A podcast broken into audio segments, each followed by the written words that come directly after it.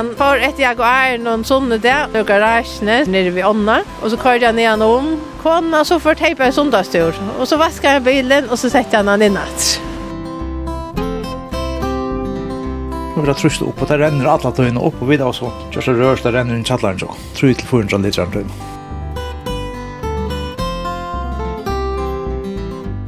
Her er ikke bilar, ikke larmer helt der, så det er en god tur til kjannekvunna genga fram vi ånden.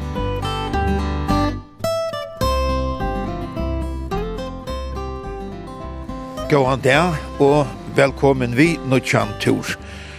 Og det er Mali en blettur som i sjolvor alltid har vi helt være vekran, og kanskje ikke sørst romantiska løsne, men kvett sier at hei ui byggve her. Er i dag til Gongo, har vi kjentje ur kringvarpen vi norrare ringve, og om man ui bojen her i høystanen, og Og her vi en fittan parst av tøynnen, kjentje fram vi øynare honalier i. Og her er fria litt, høyast meltor nok er utanom, ikkje så lengt bortor. Er du kommet om man tjøk noen via lundna, og her nere standa flere hus vi ånda enn langer oppe. Her nere er husene bave med en ånda, og her er ekvelig vekkort er oppe mittlen trøyene, og i øynene beron vøkron utje, til her som det er vutt om, vera pisøfondner, tjatøymen av glese hildner. Her er godt å genka, Ja, her er virkelig. Døylig. Genka dit ofte enda med? Ja, vi er tur i Batnakar nå. Å, er det det? Ikke så ikke. Så her er godt å genka. Hette er vi Tore og Tore, vi havnar og i havn.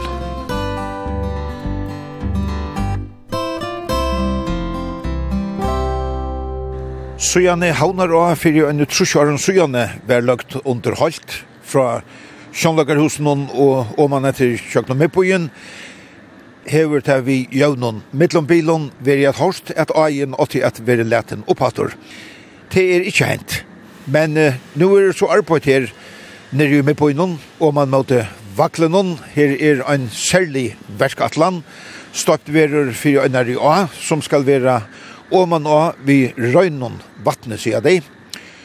Øynari i A, og hon skal teka seg opp.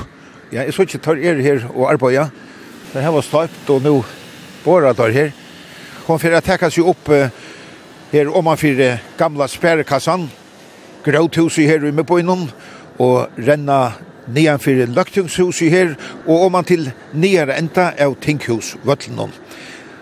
Så det blir spennande hvordan hetta fer at etnast. Har vi hørt imiskar møyningar om hesa verkatlan, men det fer vi ikke teka støv til her. Og i stedet fer vi at hitta tei og byggva fram vi ånne her oppe som hon renner åpen. Og man fyrir kjånlagarhuset og nedanetter.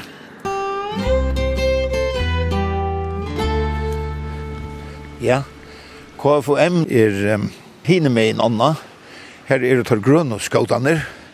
Og her, uh, jeg vet ikke om det er Estan for i anna halvtida, er um, huset tja de gode skåtanen, og nå er mannet vår fyra part, og her samlas det uh, eldre skåtar manna morgon halvtida. Jeg vil finne vita.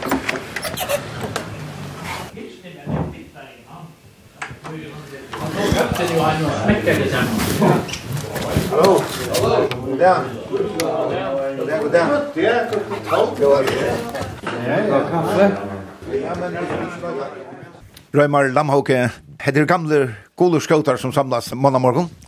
Ja, det gjør vi kvann måndag morgen til det blir til. Og det er mye honadet. Vi er jo en løten om 15 her alai. Og Vi tar et deilig kaffebord hver morgen. Vi skiftes om at kjøre kaffe. Det er gonger på stas. Og heter, heter alt uh, pensjonister? Heter alt pensjonister til å til bæra det regner godt. Og heter fra en tog tar jo i SSB hei sånne gilte tog kan man si i havnet. Det var en øyler hva skåten her. husen er bygd i 6,5 rush. Og til er hans E.V. Torgar, kjente arkitekturen som har tegnet det. Og heter en, en perla som sagt, ja. Det kommer utblåser til skjøteløyve av hver vi havnar da. Det er så lagt å lykke til, men ok, eh, nå er det så at alle sier unge og bøttene, det blir kvalikt åttar vi han. Vi er ikke tog som oppi høyvuk og artjålen og skojer, skojer, ikke? Så jeg så, så var det sånn øvelse. Men jeg har uh, inntrykk av at det er større tror jeg, det er ikke minst oppe at vi er låntene som er på et annet for her, så mølagene er gåer. Hinner skadene, hva fem skadene, hinner med noen. så det er nek skadene her nere i bøyene. Det må man si. Og KFK-en, vi skal vi, Og tid, glömma. Och tid, eh, veldig her, konverlig här morgen. Alt Allt Nek Näkva söver, näkva om att och känd folk och så gör så gör. Näkva rape. Du säger, när ser boy. Ja, det är bara för honom. men. är bara. Det är ju kvar i honom. Mamma, du. Det är så. Mont, mont för höst, du kan. Nej.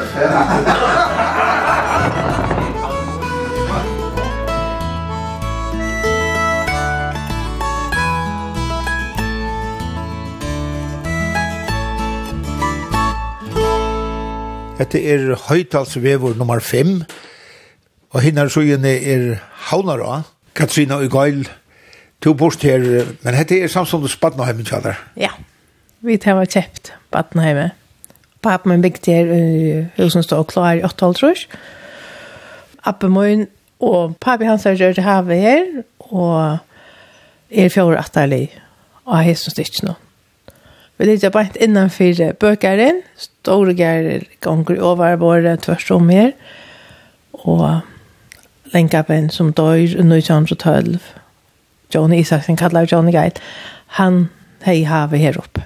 Han var vidt til at um, planta plantasjene, og han hei havet nere i byen, og var kjent som en havet med over. Og han hei så en havet lengt, lengt, utenfor byen. Og tog jeg tusen til heim stod eh, bare til kongabrunna.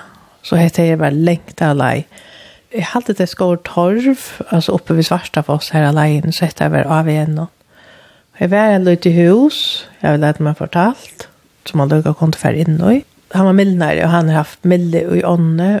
Onker har sagt at jeg var nere ved Sjøndagrøset. Han har han ved Sjøndagrøset, hei stora klettar han har haft en milde her nere, og så har han gjort hent han havan her.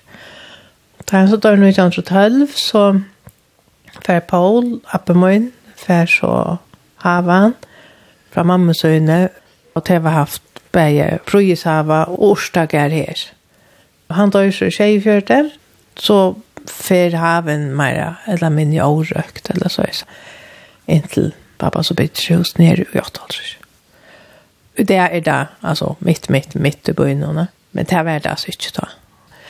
Men det såg ju till här en gå en krok om man møter ånne. Ja, her er en toft, det her er en en en grunn som tror jag det här är värre hus. Eller lite havehus som man har haft uh, altså, två rum og en primus og sånne som man kunde komma ner her og stekke og at tror jag det var slängt vekk, altså.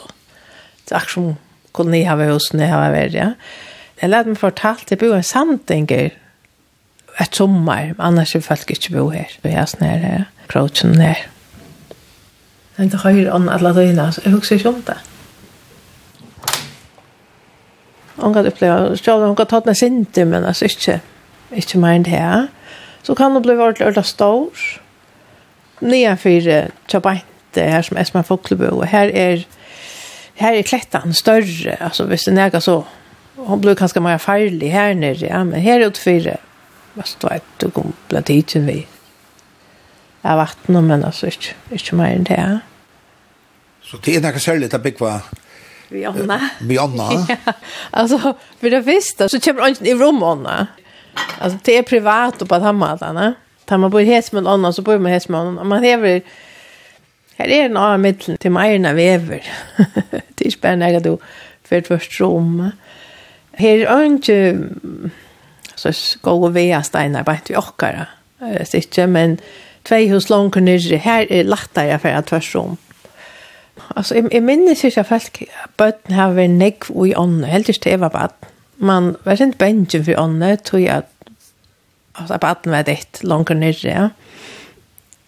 Mamma rattes da som var skvært, og vi finner forbo mot affærer i ånden, og det er jo øyelig alltså en efter och vet att Anna är så inne så vi det inte måste för oj och så att hajta Sven hinner skinne och här var det en två tror som var där på sån lilla och han var öjla trafikerad så då är det blir ansett och hon alltså boa vägar då vi hes med en ånda spalte samman och spalte inte snäck vi til hin med en ånda. Heten haven hever ikke poster, ikke li og gjernon, men bare haven nedanfyrre. Altså, det som är fåglar och här tar där som ikke stebler nu. Här porster och landa. Ta husen är från och andra och 5 och 3 här kan være at det har vært vaska klæger, og det har är mätar att det finns vatten. jeg vet ikke, men men her er porster, det er stadigvæk porster altså li och gärna. Og huset tjam Goloskotten er bare en hinne med en annan, så kör vi rakt. Ja, det var inte det. Ett rätt hus, ja. Det er nærmest brann. Det er jo. Ja. Her er nekkløyve til Ørtla Deilet. Og de bøttene vi høyre her renner rundt og spela og, og, og råpa og manerera. Det er skåtene som er i sving. Og det er ordentlig godt at suttja og høyre til det er.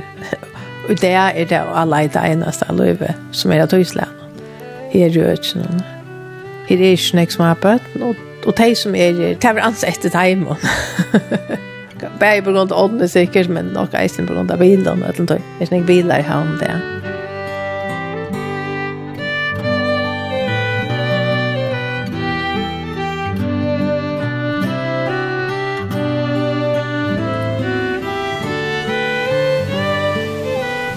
Galleroi Havnar og han stender her. Åpe etter avtalo, og så et telefonnummer man kan rinja. Dette er bare vi Den djupaste hilen her i Havnara, her nedenfor her for Agen underholdt, og listamauren Karin Svensson hever atelier innanfor galleriet, og jeg ringte til hans her, og han skulle være her. Jo.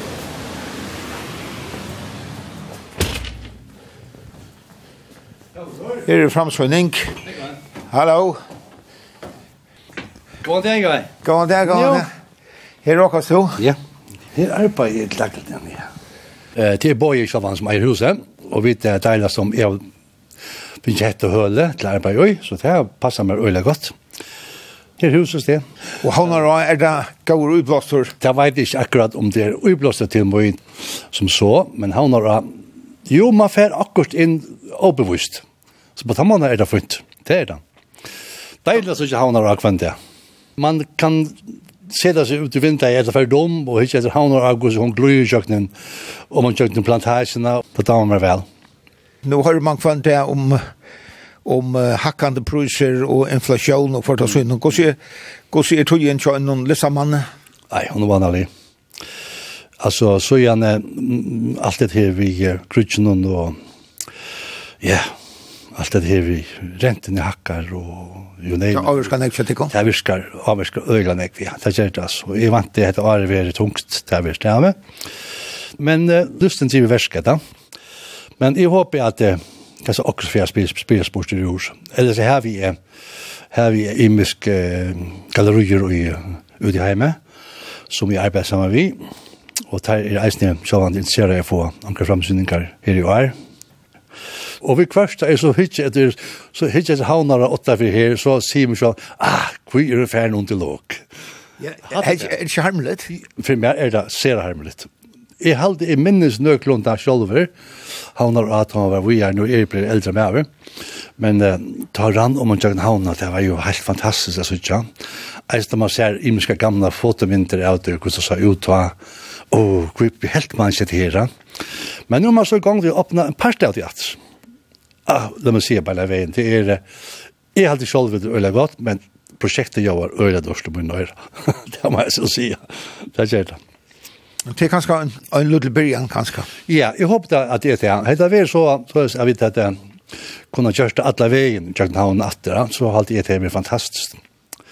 Jeg synes ikke firmaer understå eh, er stedene vi kan sitte øyne for jøkken uh, bogen, eller det er fantastisk så sitte. Hvor skulle man for å dekke det til? Jeg skiljer det ikke. Men ok, jeg må i gang for å gjøre og få det endreist, så heter vi prakkfullt. Ja, men uh, Kari Svensson, gå an arbeidsho. Jo, det skal det være for det.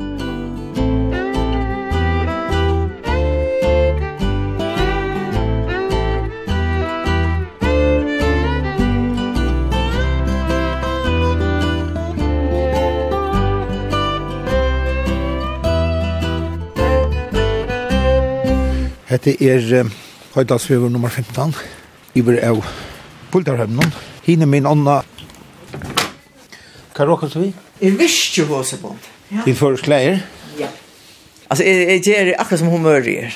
Jeg tror ikke å sitte noen sommer. Det gjør jeg ikke. Nei. Det gjør jeg om vetren, eller jeg visste om vetren, og ja, ja, så det går er man kan sitte lort at musikk er mye. Ikke sant? Anna Sofia Restorff, ja. hvordan lunch har du type her? det var fjøret i år, 12. januar, og i år.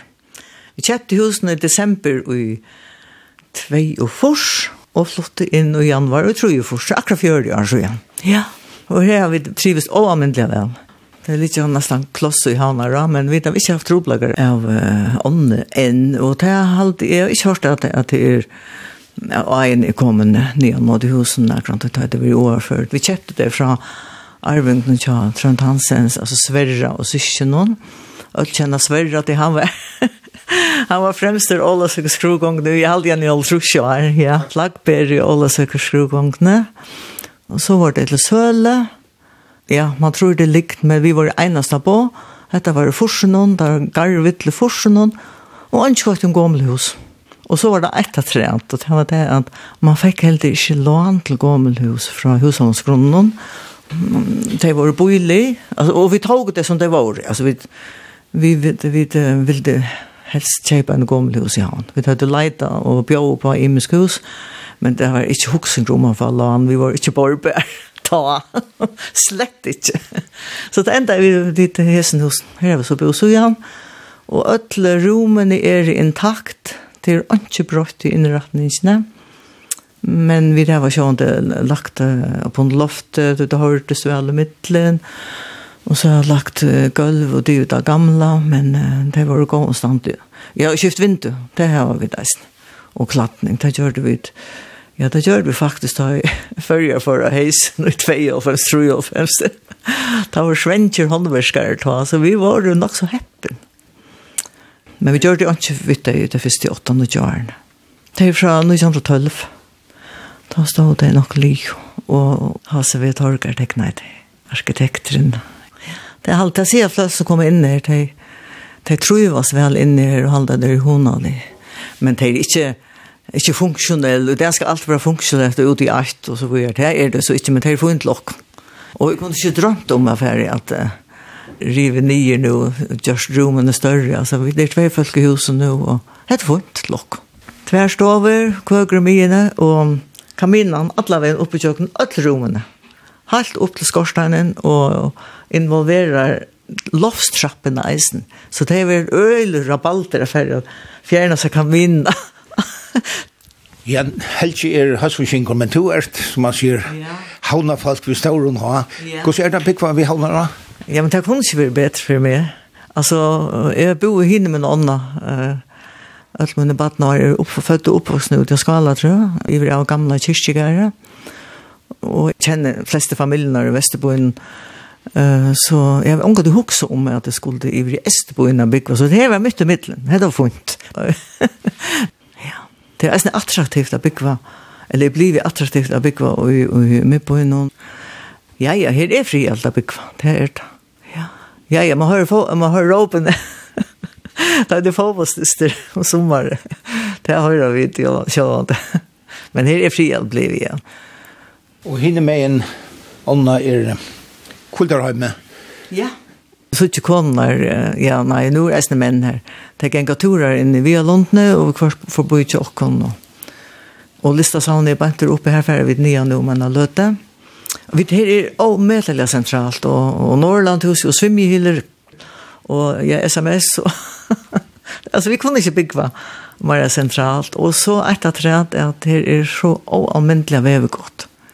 Och, och så är ejen här, här smäck på ta solen och hur nekva fukla löv och nu för um, en fyrsamtön så jag antar uh, så har helt jag en man och dikve.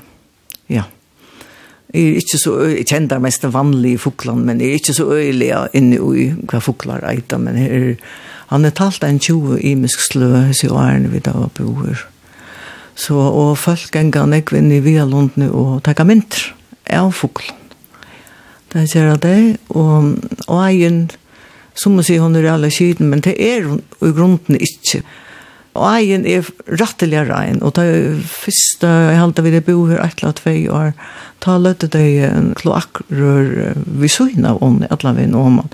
Men så er og så er egen, man ser at det er skytter, men man ser at det er, det er onker som arbeider langer oppe, hva det gjør, det vet ikke, og så hender det åhapp, og så fører det ikke sjående det men det er ikke det så vil vi sitte her i ånden, tvørsom og til livende så vil.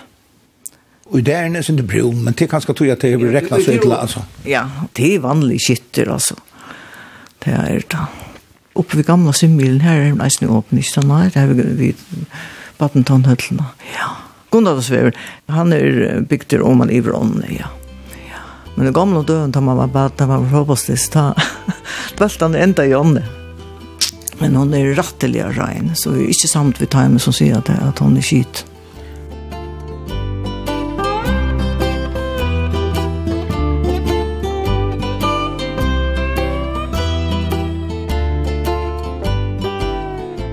Katrina og Gail, tid av bo her, vi havner og i mange år, men nå sann jeg har ditt uh, tidsi deg sammen i en fellesskap. Vi her, grannalen, har tidsi sammen til grannafella, og i blåstren kommer faktisk fra grannan og nere og i, de som byggva nere og i uh, Tingsvenno. De har et grannafella her som til Tunkegøta, Kongegøta, Tingsvevren, og nye parten av Og så arbeidde jeg sammen, og egentlig hona seg, men eisen teka meg alvor sammen mål opp, med andre fersla og parkeringsplass og parkeringshus og forskjellige sånne. Så har vi gjort det samme her oppe, og nå er vi fem grannaløs som egentlig finner sammen og tar seg sammen. Og Så til vi til grannene vi havner, og så til jeg tingsvennen, og til jeg regn i eisene. Her til jeg fel og til regn. Og så nyrje rattere til er eh, fra gamle hospitalet, og jeg med Sigmund og Gøte og alt det. Og så er det vi er kjipa seg nere i uh, Bangsheina som er eh, Vaksheina Søvengøte, Røndagøte, Nokbøgøte, og ut etter i mot kyrkjærn så innan det Man, man leiter etter en leste hver seg er, for jeg vet hva det er det som rikker til åkken. Og det er en tvei ombå ur hver sted, og og det er sinte meir, ångte jeg sinte minne, som møtes jaunan for at faktisk at finn det av at tåsa saman. Vi har snøtjen, her ångat veri nega skipa fela eller den nødje bøylingen og bøylen her eierfelle og sånn. Og så her hever man et eller annet skipan her som man møtes. Men på hendene maten så begynner man faktisk at så ser man om hva det er det første jeg vet kunne jeg også og er at haft. Hva er det for bøy vi vil jeg heve? Hva er det her som vi talte rikker? Hva er det som ikke rikker? Og jeg halte det størst vi i tog, tog at vi er nekk som vilja bøy noe vel, og vil jeg gjerne ha hava det litt til ødlo. Vi lever her, og vi vet hvordan, hvordan det er, og okkara hva som aktiver, borgere, aktiver, og byggere, ser ut til å ha størst vir. Og vi talte selv at det er gjevende, tar vi møtes, det at det var omkring å ta seg. vi er egentlig ble klokere på eisne lærerne. Det fungerer vel kvar ju mal alltid tas om. Ja, alltså grunden till at egentligen egentligen man kom her til, det är så ekvislig brötingen som er jag skra, og er med på en ånd vi Storenhusen, vi nekvån bygda bygdafelter som ikke bygg hver sjølve, og parkeringshus, inni i øybøer her som ønsken ordentlig færne gravitan om hver uh, bilene skulle komme inn, og Gustav skulle komme ut, vi skile. Midtbøyen er, er, er, er ganger ikke baden, og det til mannsoppdekket, altså. Ikke baden, altså, det er omkring 14-15 år er det, vi har slått på leis og i trafikken henne. Det var ikke gammelt. Altså, du gikk i skolen selv fra at du var 6 år gammel. Men vi tar hva, hvordan ser en bil på hvert? Och vi som genka och renna och att sånne bøyen se at det här är inte vantaläst att vara tillgånga. Kalkulera faktiskt vi att bli konkret och vanta för jeg ble nykort tvær til fyra fem vet. Bilen så ikke ikke de som ikke kører bil. Vi ska det som. Og man skumtar seg og det, det gjør man tar man er i bilen. Man är färre. Så det är sånne ting som är uppe att vänta. Det överskipar er egentligen. hva är det her för bojer som vi vil hava, vi som bygger her, og vi tar oss eisne vi ånder, altså, i beskriva hva er det for boi vi vil hava. Det er de som bærer feras fra A til B, og så er det egentlig lukket mye hva det er middelen A og B. Det kan være midtbøyren som er middelen A og B, men middelen A og B bygger faktisk eisne folk. og det skal være plass for at det eisne er til, at det er vi blir å ta seg sammen, hva er det som vi vil hava. Det er hent faktisk i samband med parkeringshus, at det med eldre og her, at det har sier vi til august september i 2022. Og vi har haft en borgerfond som er selv vi er skipet for, ja. Og her er det to som havner også jeg vil skulle sitte havner også nere i medbøyene. Ja, altså det her er om man har så nu täcks jo opp og vax er det låg og man har en kloak som er fæt her som vattnet cirkulera efter och fram. Alltså, i allt det ången i havn som helt det är något värst, faktiskt. I allt det är bra sämje om att man kan huxa sig. Jag prövar haft en å som så ut som en å, en föreska.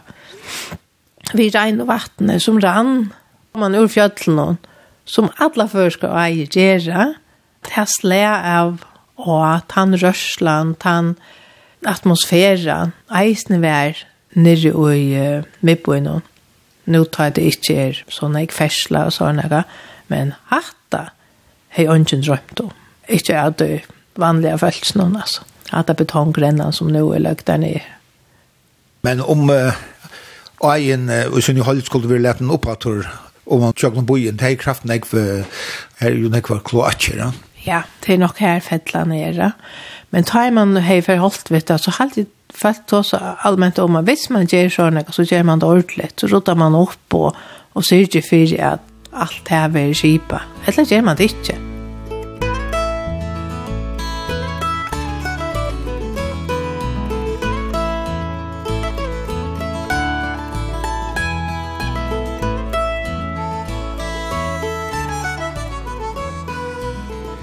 Ronald Paulsen satt i byrån i mange år, og jeg har også arbeidt nek vi kloakken til Torsanar kommune, og Ronald, to bøst hver havner og er her nere i byen, nå standa vi her vi Hotel Hafnia og så i bra Amtmannsborgene og etika i henne mein.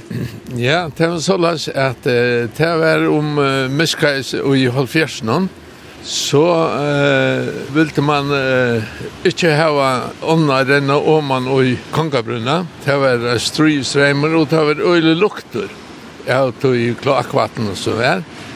Hon var nok ikke åpen, veveren var kjørtur, men så støpte den en gær her tvert rom som fåra i vatten å koma åman og i, og i, og i kongabrunna.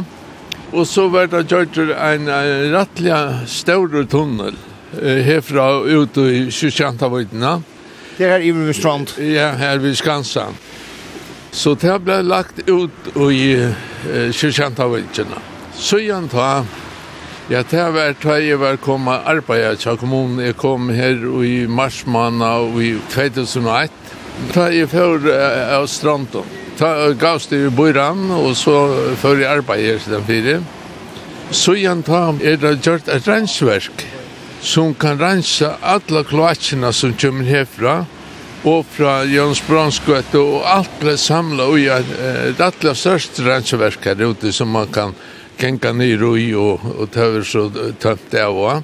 Det er ikke kjent av utkjenne. I midtelen, eh, ja, nå er det spærkassen som har tøver fiskasølen ta.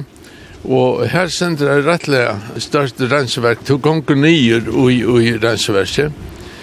Og så eh, för att släppa undan trätchen och när och att vattnet skulle fänka så blev det alltså släppt till en gärder för det. Så visst det är öjligt vatten som kommer från plantagen och alla vi åman och här og og Jons Petsen har gått der eisen løgden inn og i her og vi skal bøkaltan eh, handlon tja Hjalmar Jack till Gole som som nu är den sämsta va. Så det kommer samman vi vi ja, vi hamnar här. Ja.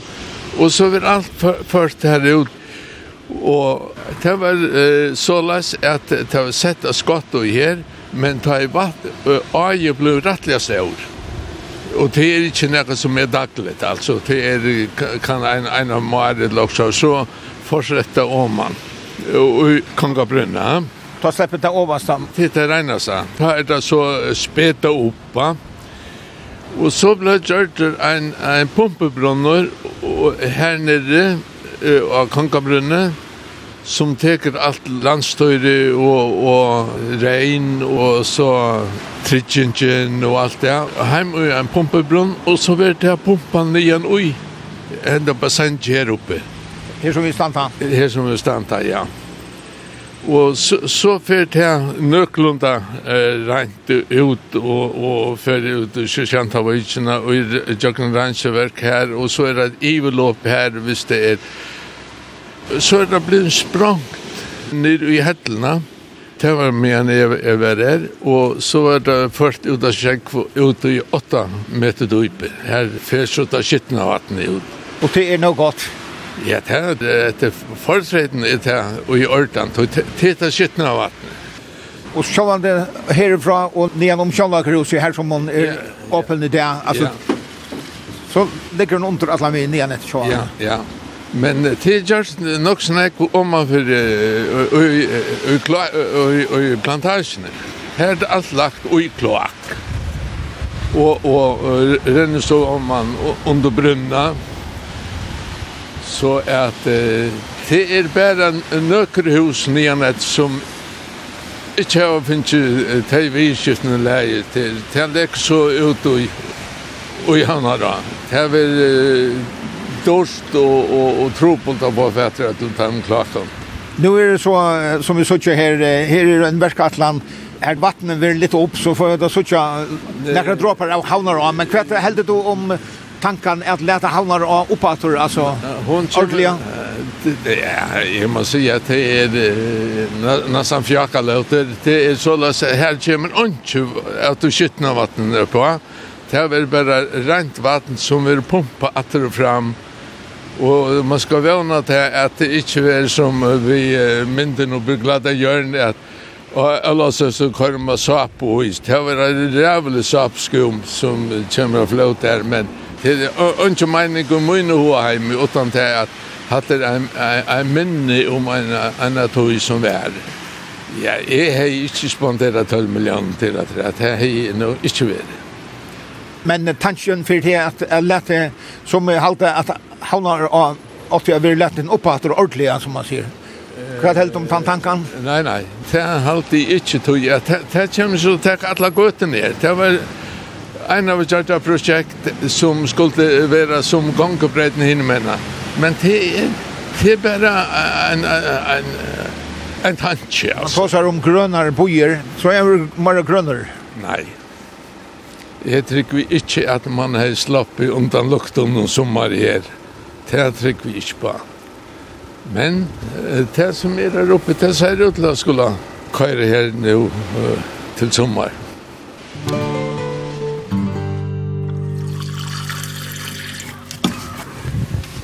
smakar det ålok så har gott vatten. Det smakar så här. Ålok gott vatten. Mega gott, ja. Hette er vi har hans vägen nummer 9 och Karl Mortensen hette er vattnet som man ser ur undergrunden. Det är det, ja. Det kommer hundra meter nere. Vatten som har filtrerat ner i kjøkkenen på saltflyene så vart det trust upp det vill jag ner när lagt där. Jag vet alltså. På det renner alla tøyene upp och vidare så. Kör så rörs det renner i chatlaren så. Det renner renner tror till 400 liter rum. hur så fanns du då tog att det vatten. Det det ser man bara när man bor. Alltså det har både hål som hon hålen ränner vatten på sjön på alla tøyene. Alltså du borrar för järhita. Järhita ja. 200 meter djupt hål grannen hinner med en annen herren røysene vattenrollen, og en granne som er sint langt nere av veien, her herren røsne vatten. Så det er som hvordan heldig man kan være. Og dette som vi drekker, altså, kolgrønt, altså, det er ikke kjøkken der. Altså, vi tar vært, vi tar, nei, nei, vi tar Kanada, mikrobiologisk og kemist, i tvei måneder til tre måneder omfører hun. Jeg begynte å bo her i, i 13 år nå, og hver jeg finner er det gullrønt. Det er ikke basist, pH cirka 0,5 år rett, Men det er så korvatten, det er basist. Så er kjeldevatten. Vi brukar det å drekke. Så det er to uh, pratikar för järhitta och tog arbete omkorrestående. Man kan få en sånn sujuvinning. Sujuvinning, ja, men det er ikke hur man skal borra. Så, och det är inte hur större tøytning for, for järhåll. Det blir ikke bedre ganske, men, men det ryser godt uten at det er en vatten ut. Ja, men det smakar sig vel, det må jeg si. Det er cirka 20 prosent av alla hålen och fören som hävar vatten som renner bort ur. Men akkurat nå har vi gjort en, en uh, grunnvannslov som er ferdig til høyringer på nå, til Gjerfond som har uh, tidligst tid til det. Og her, her adresserer man til hver øye grunnvattnet, til nekvastans, sommerstans renner ordentlig nekvattnet opp. Og til, og til en ressurs at det er rønt vatten, kan brukes til rettvatten, kan også brukes ganske til med for å utnå igjen. Så det er godt hvis man har grejer regler for för øye öjda. Altså, det er nok så at det er vatten som renner det Og i princip någon så öjda det nok ikke. Og hvis vi landet kommer og sier, att jeg gjerne bruker det til at alle turister som ganger for förbi kunne få en slorsk eller okkurs, så så kan det nok ikke nog inte nöj ikke. Så att i hopp det komma. en västnycker som smuja her sammen. Han var her här tar jag hållblå borra och där han vattnet ur. Så jag bjöd noe vatten ur hållen og sier, nei, det vil jeg ikke ha. Han det var allt för när vi havnar då och och vattnet havnar att det är så gravskit det han säger så han vill inte ha vatten ur håll. Men det var inte någon annan gel i behov. Men han bakte sig. Nej, det hade inte han drack inte nej. Men hinner druck.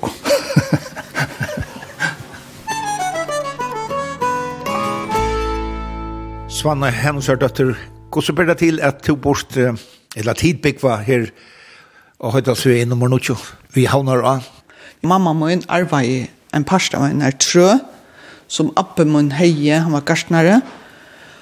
Han heie blomster og drøyvehus av hestrønne. Jeg er oppvaksen hin min av veien. Her heie mamma min med trønt tanklinikk sammen vi Esther Djurs. Så boet hei her tarra gamle der. Mine foreldre, ja.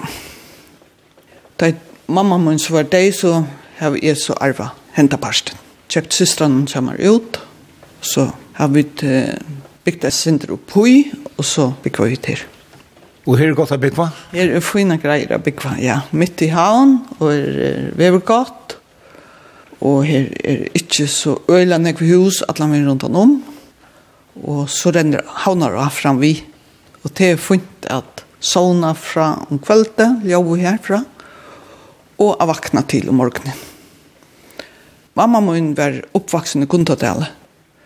Abbe er Trønder Hansen, og mamma min er Stefania. Og Abbe var garstner, og hei drøyvehus her nere, og nekv blomster.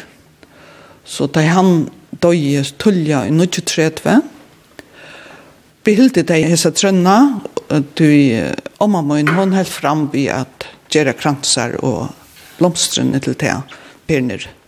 Så du er oppvaksen vi havner av? Oppvaksen vi havner av, ja.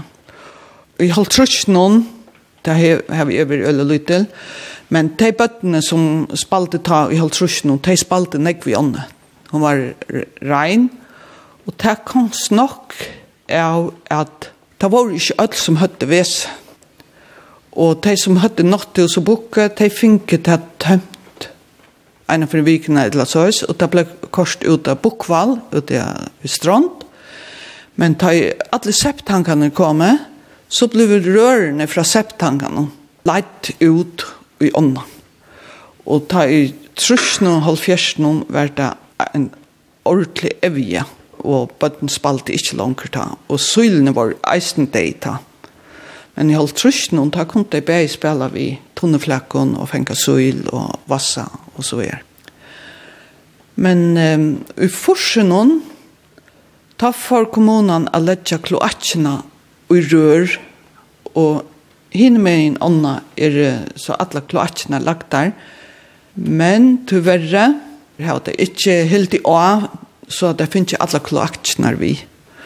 Så om... Uh, Vetren er ein tolle, gau, og det er jo nekk årføre, så hon vil rensa så først. Men ofte er det så at morgenen er en gullrein, og så ut av setten parsten ta er hun bare grumsutt og grå, onkter kvitt av onkron som renner i ånda. Og byreie hever sett skjelti opp her ivre, som det stender at det er framalt å spille i ånden, tog at vattnet er ikke rent. Så de byran er klar over at ånden er ikke rent. Men vi har ikke gjort for at jeg får kilo. Nei, jeg halte ikke at kommunen har gjort nok for det. Tog at om sommeren, og til det er aller best vever, og aller mest folk genker her, og og bøtten spela, bøtten ur badnakæren og skolan, hun öll til så færre en listaskalan og Guntadale spela. Det kom öll her framvi til som genka. Og ta stinka da i ånda. Så det er uh, skamlet alltid, tog at de turistskipene er inne. Ta er det ikke bare hundratals folk, det er det tusentals folk som genka framvi her. Det är ju hon allt å gänka. her er ikke bilar, ikke näka. Alltså ikke, ikke larmer helt der. Så det är en god tur är tjanek kunna fram vid ånne. Och nu kunde jeg gänka fra Sjønlagerhusen och nian. Och i Gundadal, Utan å gänka ut i trafikera om vi. Så det är helt fantastiskt. Men det är samtidig är det øyelig tjejligt att det inte kunde arbeid i livet. Och særlig nå tar man höra att det skulle göra og man aner jeg var andre Hva er det om det? Det er alltid er er at, uh, at uh, bare køyre nekka, og man aner alle åhomsklene som er nu under. Det må vi vite at det er ølene hva råkter i klakjene nere på innan. Det var et mann? Ja, det er det folk som har ekvast vi kussen ekvar rotter det har funnet inn i gamle husen og de hål er kommet og gamle rør langt nere på innan. Men det var fantastiskt hvis de kunne lete ånda opp og fortsette enda veien åman. Så man kunne gynne fra vaklen og nyan. Jeg helt nyan Norrland til huset, utan å være trafikere om vi. Mener du at man alltid at lete ånda oppholdt om man nummer på innan? Ja, det kostet sikkert øl enn jeg. Men jeg halte havnen er en ryk måned som det ljøer. Og det pjøst ikke alltid være gjørst sen. Så det er alltid jeg har en god idé for byen. Men, men heldig du at det blir til? Ja, det koster en rikve som kanskje ikke er det som gjør mest stemmer, men jeg halte at kommunen 80 har rutta alle åhomskene opp, som er allan veien om han tjøkkenen, lykke om han av konkabrunna. Her er nekva kloatjer som ikke er kommet i rør. Og her lever nekva rotter vel og virlige. Hva er det givet åkken? Det er Kiwi trivna, og det er gjørst at folk hadde bedre hoa genka, og for helsene så er det godt at uh, sette bilen ångstan og, og genka turer. Og folk har ho til å genka turer her. Så kunne man færre åman og bojen til gonge, lengt oppifra og helt åman av vagle, utan at genka ut i å trafikere om veien. Og her genka øyla nekbød, bøtt, etla folk i öllun aldri. Kvöldarheim noen, og de som færre svimja, de som færre spørska fotbollt. Ja. Alla utråta öllnar i Gundadale. Det er, det er alt folk omkring hinda veien som fyr. Og de som arbeider nere i byen, og til øyla nekva som, som færre til gonga. Henta veien.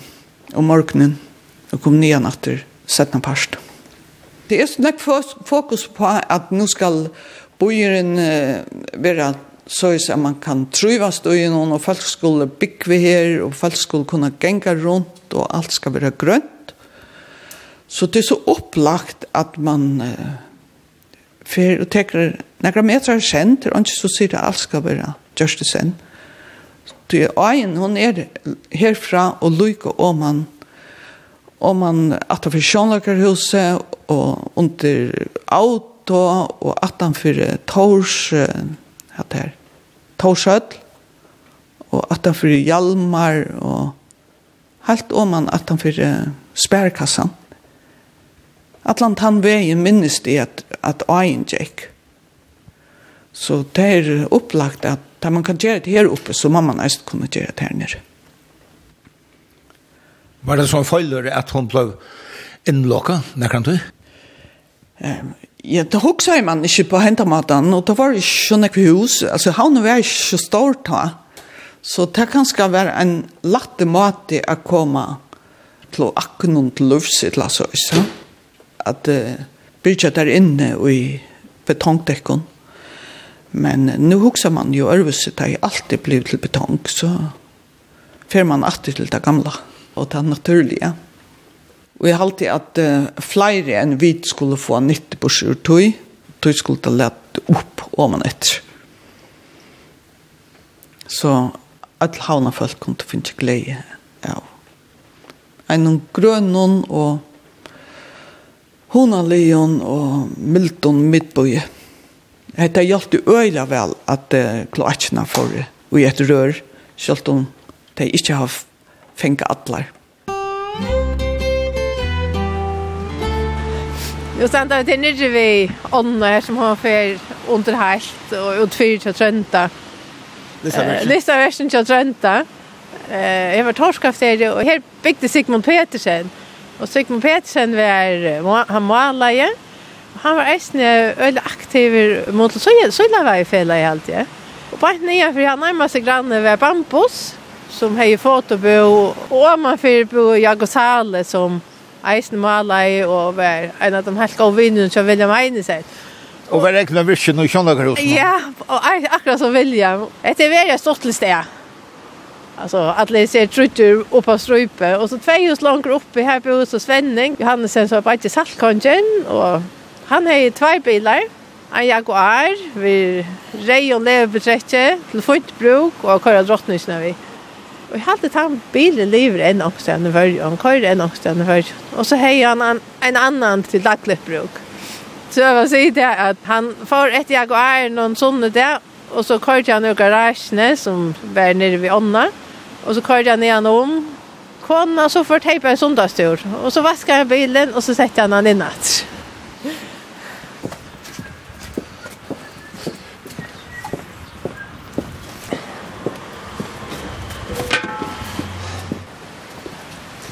Nu er vi nere i gæren og tjatar Katrin og Gail. Ja. Og gæren er jo bant ut i Mulderhallen då. Ja, ja, ja. Jeg skal bare på Gären så er det ju överbacken. Ja. Trøyen er litt inn i över, inne i över Det kan inte tvärs om faktisk nu. Haven er en extra trø, og han ölla mysker om sommaren. Men nu vet jeg er det og og och nägdagsljós inne i snö i, i husene. Hese er rettelig gammel disse trøyene til sammen. Ja, ja. Det er hvordan du ser fist altså, fyrst og nøytjandhjelt, eller tjondhjelt faktisk. Ne? Hette er alltid vært mot Badenheim og nu, mot heim, og folk snakker om etter en perle, men det er alltid vært så, altså.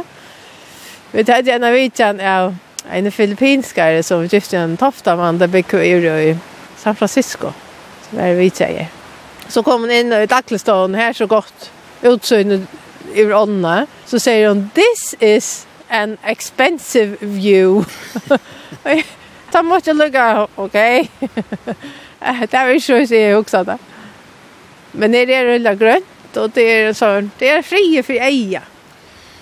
På ett nu är, ja, det droppar och, och en är sin stor och det är sån grått och väckande eller såna men om sommar alltså det var det kämmer och säljarna kommer i böjen och sommardåar och donnernar och donnungarna är det i ånne och så illne så just ontan så gänga folk om man igen och som gänga fast alltid i kvant där och det var eisen så illne och det är nog så väl gött Här snackar brinker det här alene. Mm. Og jeg hadde felt folk jeg finner eia for tog, det er en folklig som godt kan komme rett lenge her.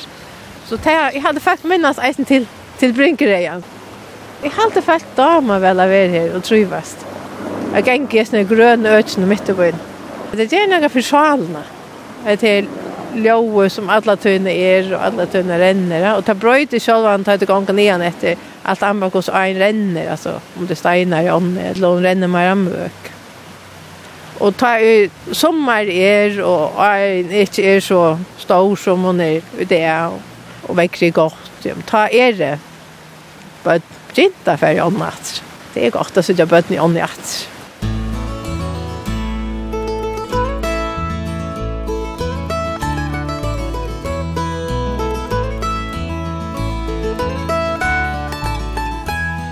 Dette var så turen i det og hun har vært at høyre folk som byggva vi havnar og grøya fra. Turen er atter at høyre i utvart noen torsdag klokkan 11 og leier det klokkan 4 og tepper øsene til et lorsta og heimasøyene tja noen skriva kvf.fo framskvak tt. Og turen er øsene som poddvarp Vi tar og ture hever sujo av Facebook. Her først du er kunna suttja myndir fra turen og helst okkurt videobrot i øysene. Vi tøyrast atur om øyna viko. Takk fyrir i dag.